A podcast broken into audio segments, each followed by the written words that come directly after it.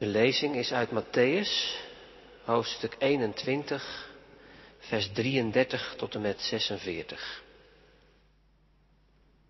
De intocht in Jeruzalem is al achter de rug. En je merkt aan alle kanten dat de spanning stijgt, de tegenstellingen toenemen en het verhaal naar een climax gaat. En dat is ook heel goed te horen uit de gelijkenis die Jezus vertelt. Luister naar een andere gelijkenis. Er was eens een landheer die een wijngaard aanlegde en hem omheinde. Hij groef er een kuil voor de wijnpers en bouwde een uitkijktoren. Toen verpachtte hij hem aan wijnbouwers en ging op reis.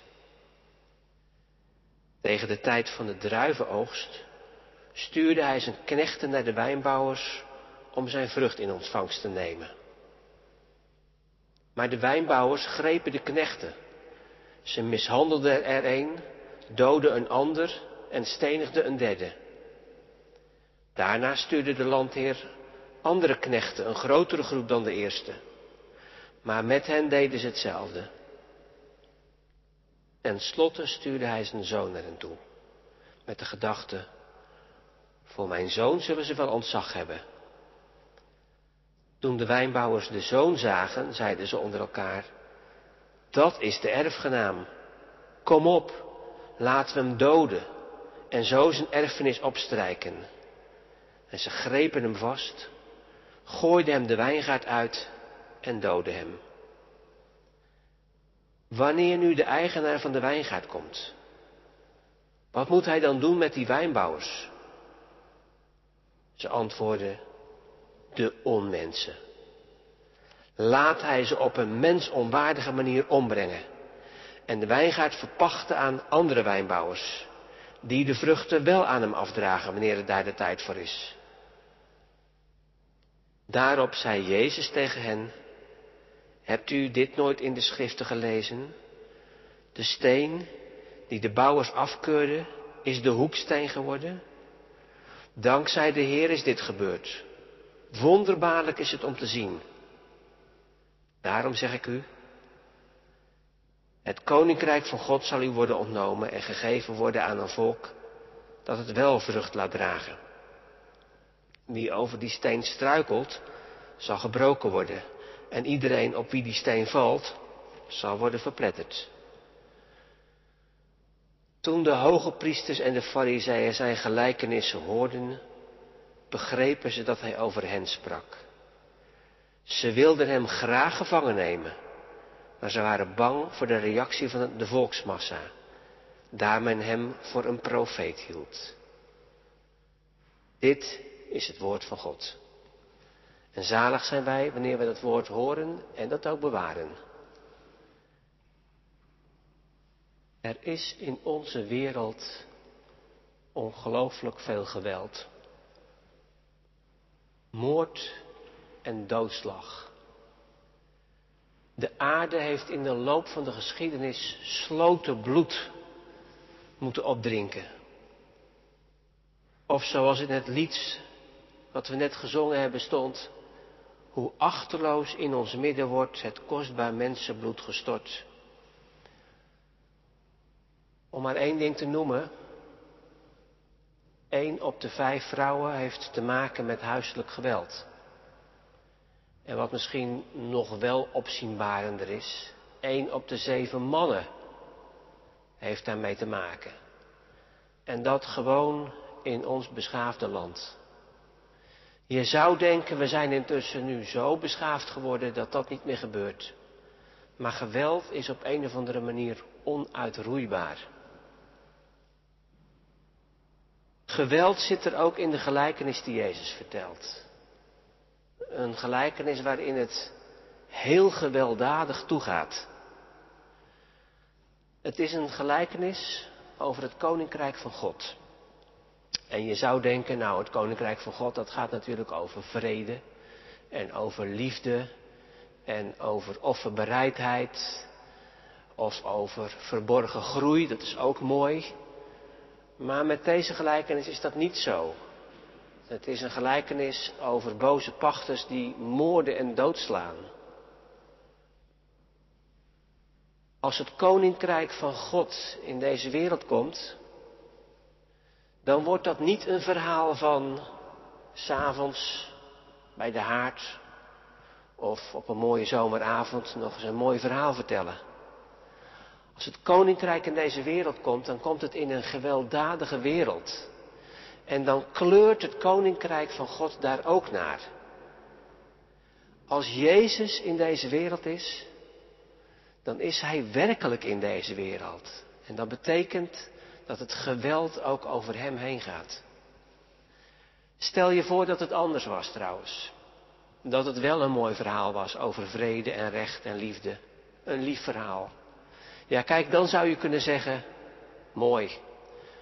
Mooi als een escape, even wat anders, maar morgen heb je er eigenlijk niks aan. Maar toen Jezus in deze wereld kwam en het koninkrijk bracht, en toen hij vertelde over het koninkrijk, kleurde deze gelijkenis rood van het bloed. Dat is de realiteit. God is in deze wereld gekomen midden in het geweld, het extreme geweld dat er huist. Waarom heeft Jezus deze gelijkenis verteld? Toch niet om te vertellen wat we al weten. Nee, Jezus heeft deze gelijkenis verteld, zoals trouwens bijna elke gelijkenis, als een spiegel. Als een spiegel die aan de hoorders voorgehouden wordt. Kijk, dit verhaal. En nou de vraag, herken je jezelf daarin? Wie zie je?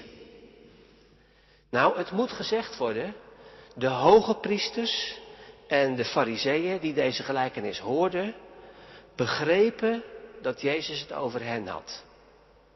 Moet je ze nageven. Ze hebben hun eigen beeld gezien in die gewelddadigheid van die gelijkenis. Nou, daar zou je het dan bij kunnen laten en zeggen, goed, daar ging het dan kennelijk ook over. Want tenslotte hebben zij Jezus aan het kruis gebracht.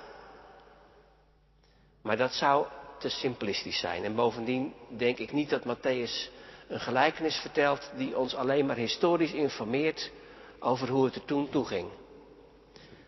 Deze gelijkenis is natuurlijk ook bedoeld om vandaag gelezen te worden. En zoals de gelijkenis aanvankelijk gericht was op die eerste hoorders, de leiders van het volk van Israël. En ze confronteerden met waar ze mee bezig waren. Zo lezen wij deze gelijkenis weer met andere ogen.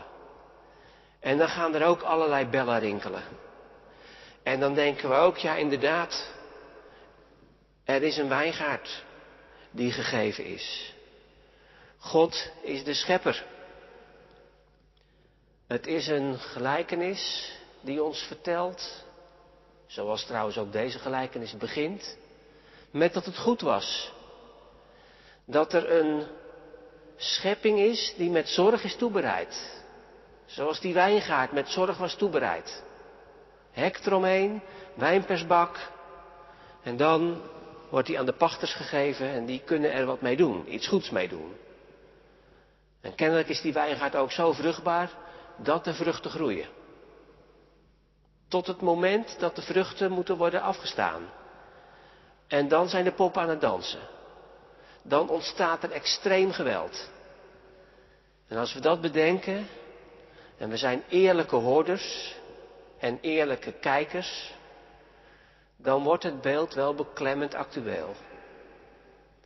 Dat ons een schepping cadeau gedaan is, dat we een opdracht hebben gekregen, en dat God ons ook de speelruimte geeft, want de landheer ging op reis. En God zegt tegen ons mensen hier, dit is van jullie. En nu leven we in de 21ste eeuw en dan kunnen we niet erg trots zijn. En staan we niet zo heel ver vandaan bij dat geweld dat beschreven wordt in deze gelijkenis. Want de manier van leven die we hebben ontwikkeld heeft ook lijken opgeleverd. De extreme verrijking van een deel heeft extreme verarming van andere mensen teweeggebracht. En je kan niet ontkennen dat dat bloed heeft opgeleverd. En vandaag zijn we misschien nog wel een stapje verder gegaan dan in die tijd, want de wijngaard zelf is ook aangepakt. Als het helemaal terecht komt op uitbuiten en uithalen wat erin zit, dan put je kennelijk ook de wijngaard uit. En dan kan dat een wildernis worden. Zo erg dat die wijngaard als een boemerang terug gaat slaan. En ons menselijk leven in gevaar brengt. Vandaar dat er vandaag klimaatalarm was. Want het is ook SOS. Het is ook bar en boos. Wat hebzucht, ongeremde hebzucht heeft kunnen doen. De idee dat de aarde echt van ons is. En dat er geen God is en geen meester. Geen naaste en geen arme. Dat brengt ons op de rand van de afgrond. En heel erg dicht in de buurt van deze gelijkenis.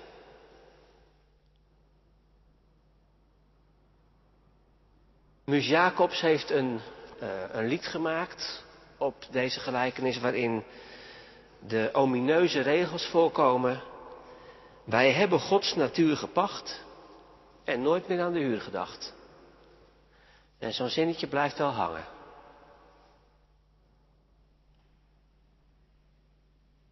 De gelijkenis wordt extreem gewelddadig op het moment dat de zoon verschijnt. Er staat zo bijna op het onschuldige af dat die landheer, nadat hij zijn knecht heeft gestuurd, die allemaal zijn gedood, zijn zoon stuurt met de idee, nou, voor mijn zoon zullen ze wel ontzag hebben. Ja, als je het voorgaande gelezen hebt, dan lijkt dat pure naïviteit. Maar het gebeurt. En dan zie je dat op dat moment er een soort climax is in de agressie. Die knechten zijn bij wijze van spreken zonder veel nadenken eruit gegooid. Maar als de zoon komt, dan zie je, ja, die moeten we hebben. Dan lijkt het wel alsof dat moment alle haat zich bundelt en de zoon het mikpunt wordt. Jezus vertelt een unieke gelijkenis. Het is de enige gelijkenis waarin hij vertelt wat er met hemzelf gaat gebeuren. Hij weet dat de komst van deze Jezus in deze wereld alleen maar de haat kan wakker roepen. Met goede bedoelingen zou het dan toch nog gaan. God zendt zijn zoon. Luister, hij verricht wonderen. Hij is er voor iedereen. Maar wat gebeurt er? God is veel te dichtbij gekomen. Als hij in de hemel was gebleven, was het best geweest. Maar zo na aan je huid. En dus wordt Jezus gedood. En Jezus heeft het op een gegeven moment geweten. En daarom vertelt hij deze gelijkenis. Het is eigenlijk al, de point of no return is al gepasseerd.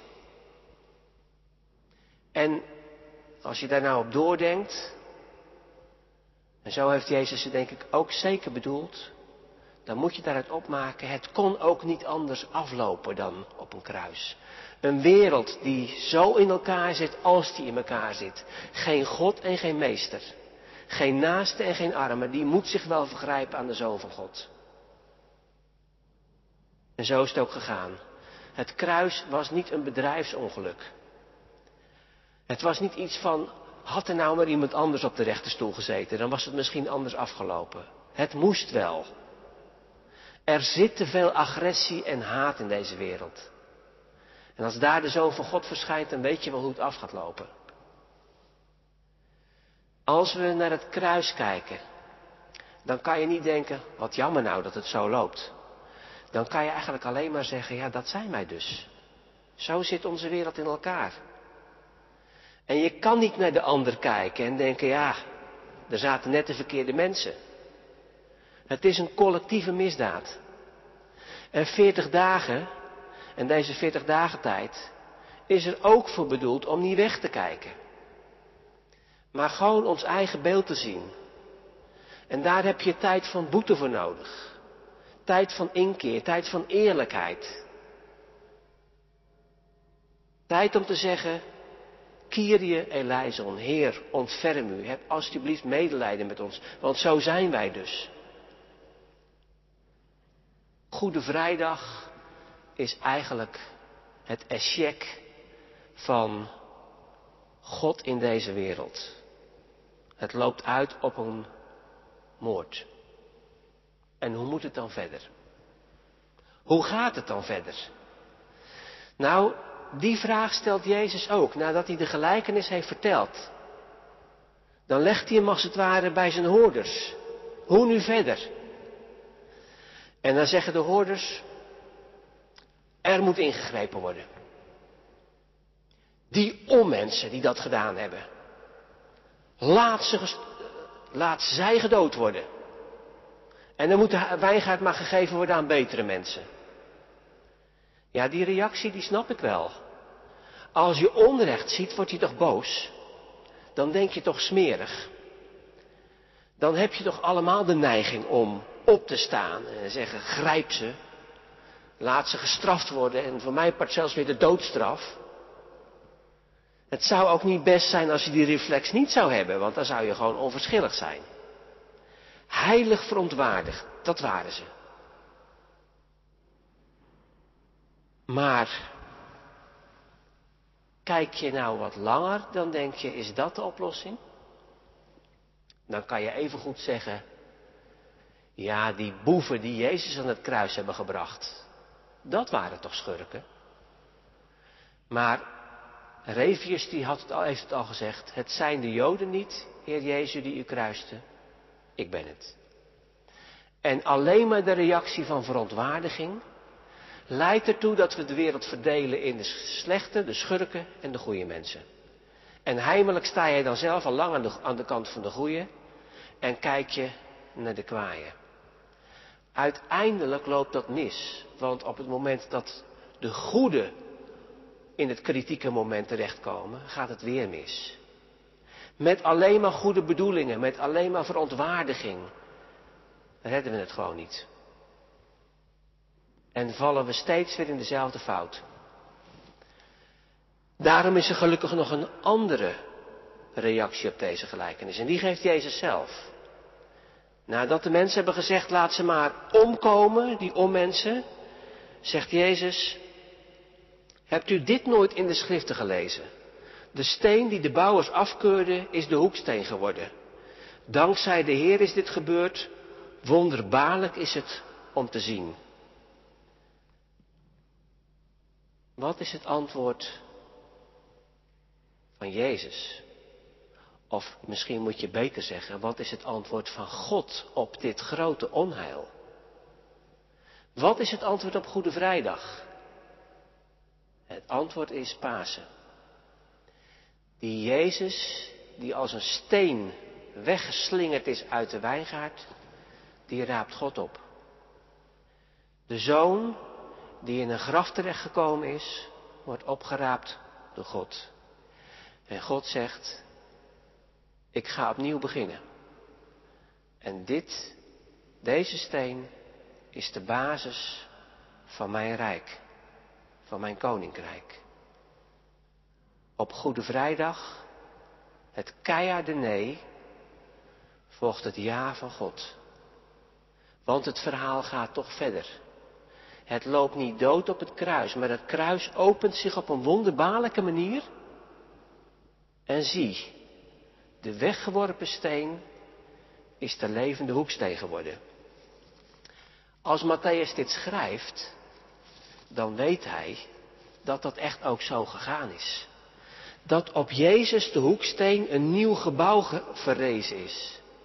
Daar mag hij zelf onderdeel van zijn. En hij weet dat er een gemeente van God is, van Joden en Heidenen. Mensen die echt niet beter waren. Maar ze zijn als het ware door God opgeraapt. En op de levende steen gelegd. Na Goede Vrijdag kon het niet meer doorgaan zoals daarvoor. Voor die tijd heeft God deze wereld bezocht met profeten. Met wetten, met woorden. Maar dat is uitgelopen op de dood van Jezus. Na Goede Vrijdag begint het tweede bedrijf in het grote dramastuk van God met deze wereld. Niet opnieuw een profeet, maar een zoon aan het kruis, die de basis wordt voor het nieuwe gebouw. Het is alsof het veel mysterieuzer is geworden. Deze keer zegt God tegen de mensen. Het wordt niks met jullie. Maar er is een levende steen. En nou pak ik je als een stukje gruis en ik leg je op de levende steen. Want wij geloven in het christelijk geloof niet in nieuwe idealen. Christen zijn betekent niet dat je nog mooiere idealen hebt dan de profeten daarvoor. Christelijk geloof betekent feitelijk het fiasco van deze wereld. En tegelijkertijd, God gaat op een wonderlijke manier die weggeworpen steen in het midden leggen. En hij legt je er bovenop. Wat doen we eigenlijk anders als we dopen? Dan zeggen we tegen een klein steentje, of misschien al een oudere steen, ik leg je op Jezus. En zo kom je in aanraking met een nieuwe levenskracht. Dat doet wat met je, dat gaat dwars door je heen. Of wat doen wij anders als hier een tafel staat in de kerk? En je komt naar voren en je zit aan de tafel. En je krijgt brood en wijn. Dan word je als het ware op de levende steen gelegd. Dan krijg je Jezus in je. Dan word je zelf lichaam van Christus. Dan groei je tot je eigen verwondering met Christus samen tot een nieuwe schepping. Het christelijk geloof is een mysteriegeloof. Het is het mysterie dat je op de steen gelegd wordt die leeft. En dat dat dwars door je heen gaat. En wat met je doet. Na Pasen zijn er niet opnieuw profeten gekomen, maar apostelen. En dat is wat anders. Een apostel die zegt, er is een levende steen in deze wereld. De gekruisigde Jezus, geloof in Hem. Stel je open voor Zijn werking. Een apostel komt niet in de eerste plaats de wereld en die zegt, doe dit en je zult leven. Dat is de taal van de profeet. En profeten moeten er ook zijn. Maar een apostel heeft het kruis achter zich. Paas achter zich. En die vertelt, lieve mensen, kom je vertellen dat je opgeraapt wordt door een warmhartige God. En die legt ook jou op een levende steen. Die Jezus, die hangt niet dood aan een kruis. Jezus leeft en maakt jou tot zijn lichaam. Dat is het wonder.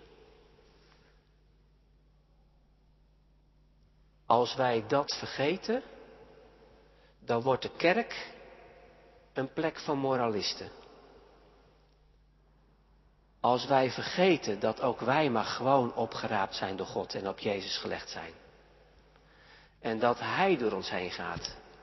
Dan denken wij misschien wel dat wij de voorhoede zijn van de nieuwe mensheid. Dat wij het begin zijn van een betere wereld.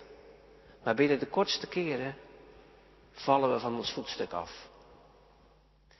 In de kerk kan het ook moralistisch worden. En kunnen we elkaar de maat nemen. Ja, jij deugt niet. Zeker zo ook rond de verkiezingen kan dat ook heel makkelijk duren. Ja, jij bent eigenlijk van de verkeerde partij. Onze partij. Ik denk dat er mensen afgehaakt zijn van kerk en christendom omdat ze alleen maar moraal naar hun hoofd geslingerd kregen. En de hele idee van het mysterie van Christus, waarin je ingeweven wordt, die in je leeft, waardoor je leeft, totaal verdwenen is, dan wordt het koud in de kerk. Daar zijn we niet voor bedoeld. We zijn ervoor bedoeld om een huis, een tempel, een levende tempel van God te zijn. Door de werking van Christus zelf. Overigens betekent dat dat dat juist ook iets met ons doet. Want moraal, hoe vaak hebben we het niet gehoord? Het is mooi praten, maar ook doen. Dat is zo moeilijk. Praten is zo makkelijk, doen is zo moeilijk. Alleen Jezus weet eigenlijk iets met ons aan te vangen. Het klinkt misschien wel heel erg argeloos en heel erg naïef, maar het is wel waar.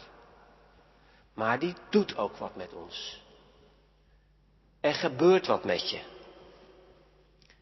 Als je verbonden wordt met Jezus en je laat Hem toe en Hij werkt door ons heen, hoofd voor hoofd, maar ook met ons met elkaar, dan komen die vruchten wel voor de dag dan kan het niet anders of je gaat anders om met deze wereld.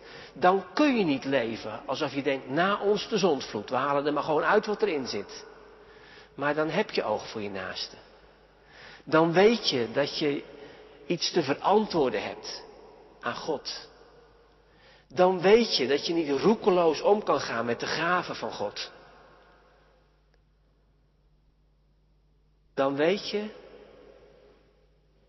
dat je geweten nauw moet zijn. En dat ieder zichzelf de vraag moet stellen. Kleeft er aan mijn handen ook bloed? En zo ja, wat moet dan anders?